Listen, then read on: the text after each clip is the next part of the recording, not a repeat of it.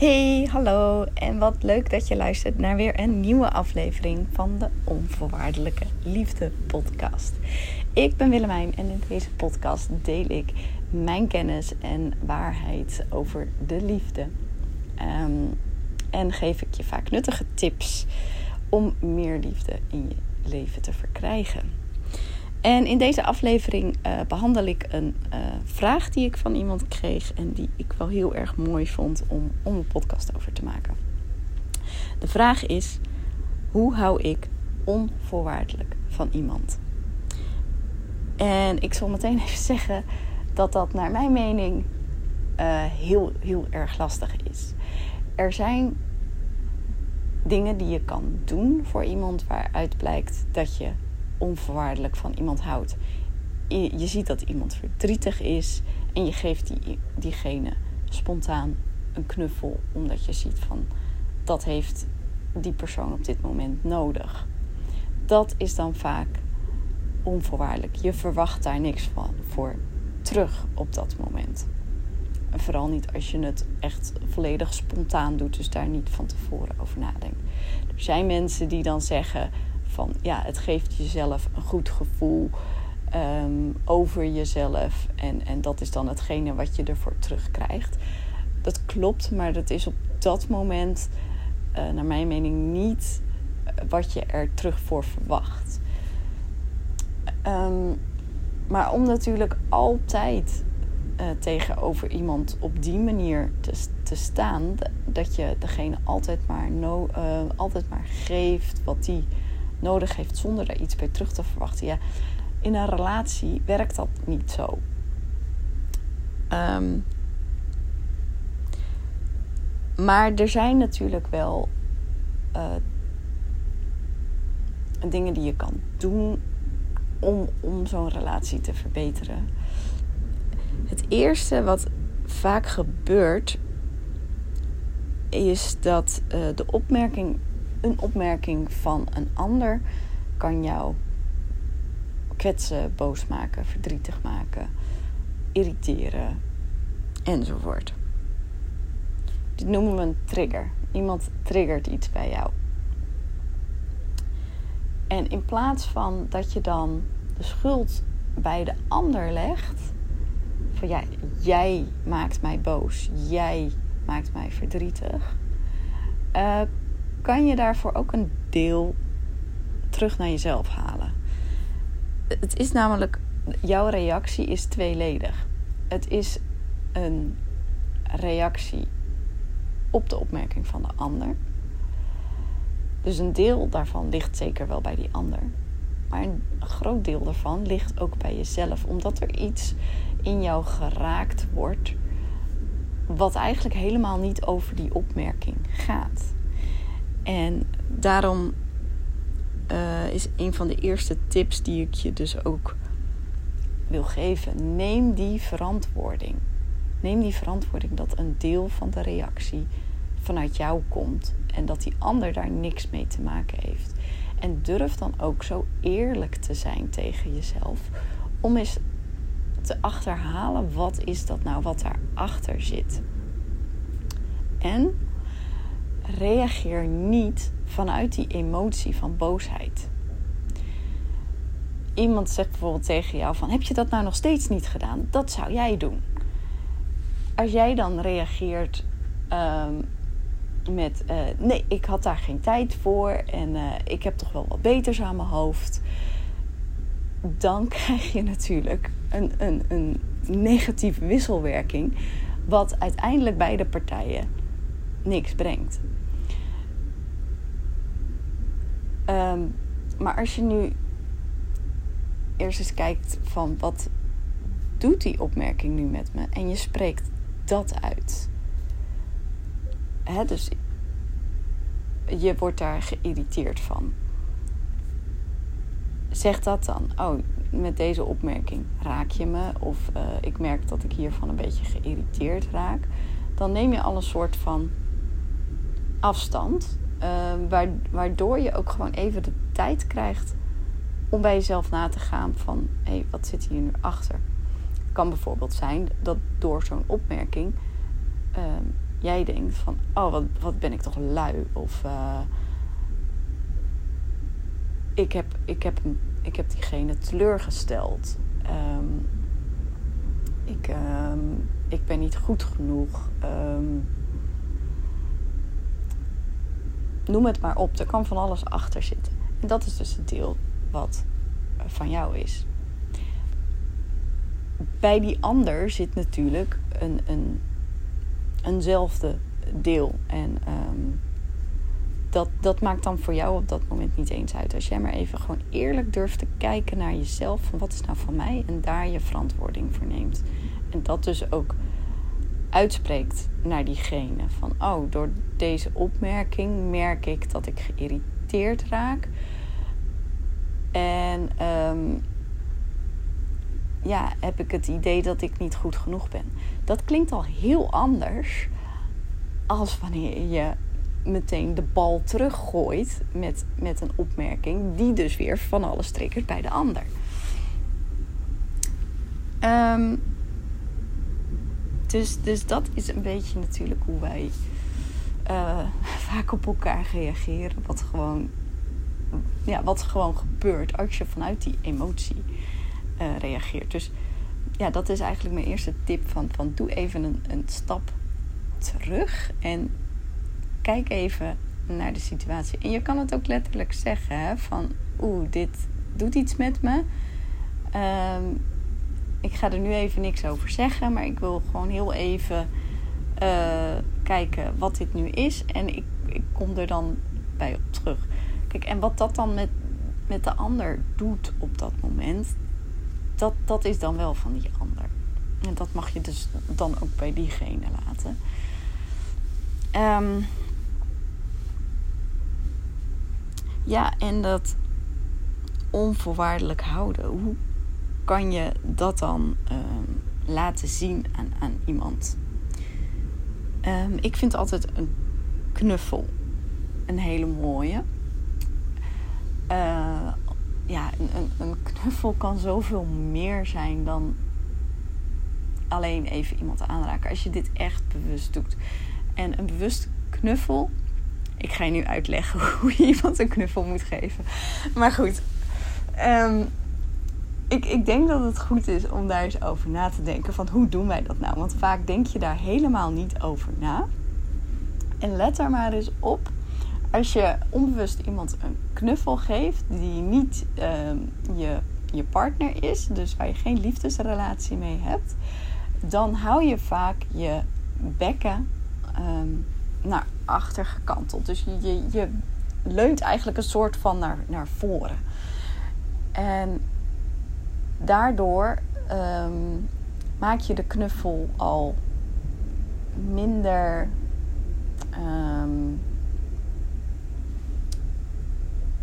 um, minder uh, effectief eigenlijk. Omdat je niet alleen een soort van afstand bewaart, maar ook nog eens op de ander gaat leunen, letterlijk en figuurlijk. Want een ander voelt dat ook op, op die manier. Dus als je nou echt bewust een, een liefdevolle knuffel wil geven, um, dan ga je eigenlijk met je voeten um, goed uh, recht staan. Eigenlijk, jij blijft zelf helemaal recht staan en dat je met, je met je voet tussen de benen van de ander staat, zodat je echt dicht bij elkaar staat en je dus op, op bekkengebied en hartgebied eigenlijk elkaar raakt dan sta je allebei op jezelf. Um, maar geef je wel heel bewust die knuffel. En hou elkaar dan ook gewoon echt even stevig en bewust vast. En voel eens wat dat dan met je doet. In vergelijking met een, een knuffel uh, zoals we die vaak geven. Zo van, ah, kom even hier. Um, dat is dan vaak heel snel, heel vluchtig. Ik merk ook dat mensen uh, het, het, vaak nog een beetje ongemakkelijk vinden. Um, ik vraag het ook gewoon wel vaker als ik het idee heeft van... oh, iemand zit even niet zo lekker in je vel. Van, mag ik je een knuffel geven? En um, daar wordt vaak heel verrassend op gereageerd. Zo van, hè, wat vraag je nu? Ehm, maar vaak heb ik het dan wel goed dat iemand daar uh, behoefte aan heeft. En uh, als ik diegene dan inderdaad zo'n bewuste knuffel geef, dan voelt zo iemand zich echt al wel gelijk een stuk beter. En is dat vaak, ah, oh, dankjewel, dat had ik echt even nodig.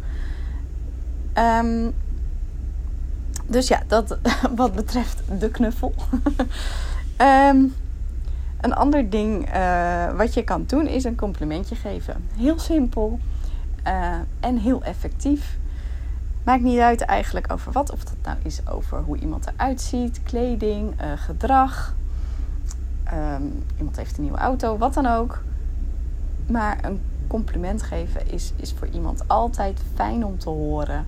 Het is natuurlijk gewoon een soort van bevestiging wat je geeft aan de ander. En um,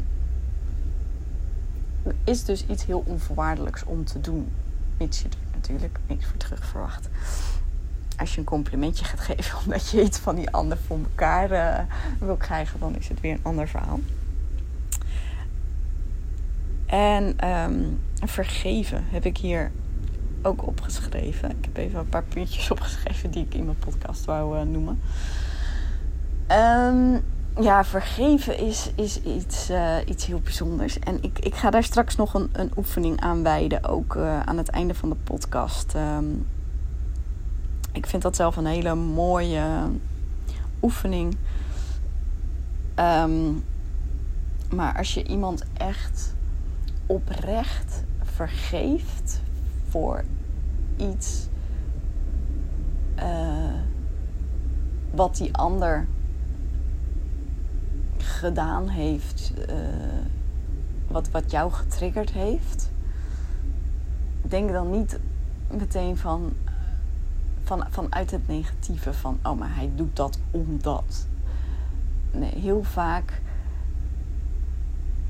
is het niet zo dat, dat mensen iets zeggen of iets doen om jou te kwetsen, pijn te doen, verdriet te doen. Het gebeurt zeker, maar dat komt gewoon van, vanuit ook weer de, de, um, ja, de reactie van de ander. Maar het, het is vaak gewoon niet zo bedoeld. Dus probeer eens wat vaker of je iemand uh, bewust kan vergeven. Zo van, ja oké, je maakt die opmerking en dit is dus wat het bij mij triggert. Uh, dit is misschien hetgene wat, wat van diegene is. En dat diegene zo reageert. Daar zit ook weer een heel verhaal achter, wat het verklaarbaar maakt. En door op, op die, op, om het op die manier om te switchen naar dus iets, iets positiefs, vergeef je iemand. En um, dat, dat vind ik eigenlijk ook weer een, een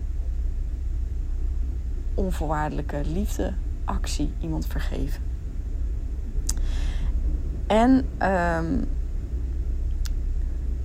hoe hou je nog meer onvoorwaardelijk van iemand? Door dankbaar te zijn voor de verbinding, voor de relatie die je hebt met iemand. Gewoon alleen maar dankbaar zijn. Uh, ik uh, ben ervan overtuigd dat wij allemaal met elkaar verbonden zijn. En vind dat dus ook een heel mooi iets. Niemand staat alleen. Niemand staat op zichzelf.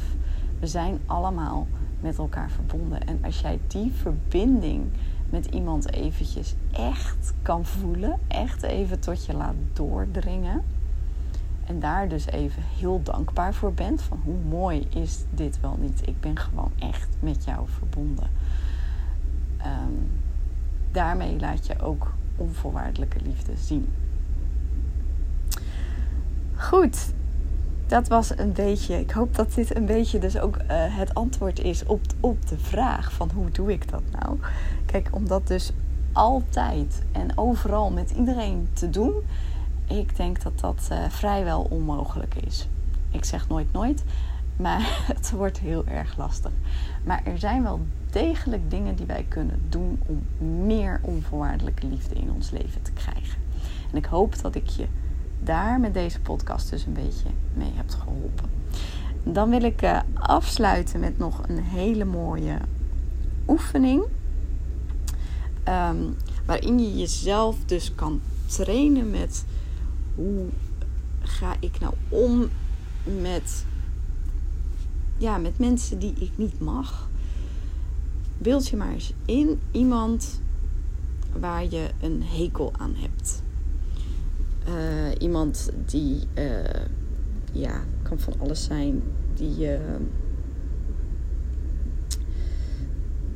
irriteert, ja, die, die, die, veel dingen bij jou triggert. iemand die je, het kan iemand zijn die je lelijk vindt, iemand die je minacht. Um, zo iemand. Je hebt nu vast iemand in je hoofd, dus die persoon die is geschikt. Dus diegene die neem je dus voor je. Dan sluit je je ogen en in gedachten zie je die persoon dus voor je. En kijk eerst eens een tijdje naar hem.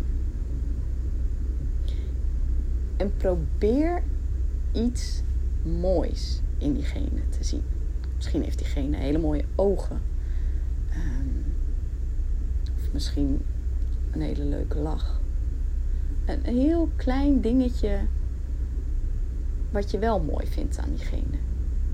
Of, of iets wat je, wat je wel waardeert. Dat, dat diegene altijd zo direct is, bijvoorbeeld. Het kan heel irritant zijn, maar je ziet ook wel in dat dat ergens voordelen heeft. Dat dat ergens iets goeds is.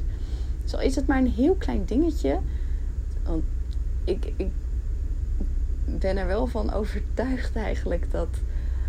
Uh, maakt niet uit hoe erg hekel je aan iemand hebt. Er is altijd wel één dingetje wat je kan benoemen aan, aan een persoon wat je toch wel waardeert, wat je toch wel mooi vindt. En misschien zijn dat juist wel de zwakheden van die persoon. Dat, dat iemand zich kwetsbaar durft op te stellen, bijvoorbeeld.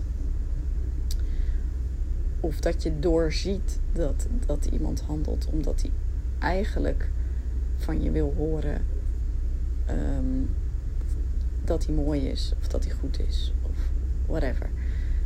Dus probeer het mooie in die persoon te zien. En stel je dat mooie nu voor als een klein lichtpuntje. En dat lichtpuntje, dat ga jij groter maken.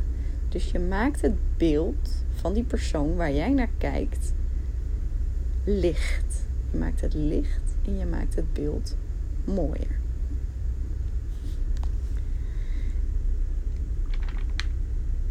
En neem hier ook gewoon je, je tijd voor. Als je dus echt, nou ja, het licht eigenlijk rondom die persoon ziet. Dan plaats je dit licht over iemand die jij een vriend noemt. Dus over iemand waar je veel van houdt. En kijk naar dit beeld. Als het goed is, wordt dit beeld nu nog mooier.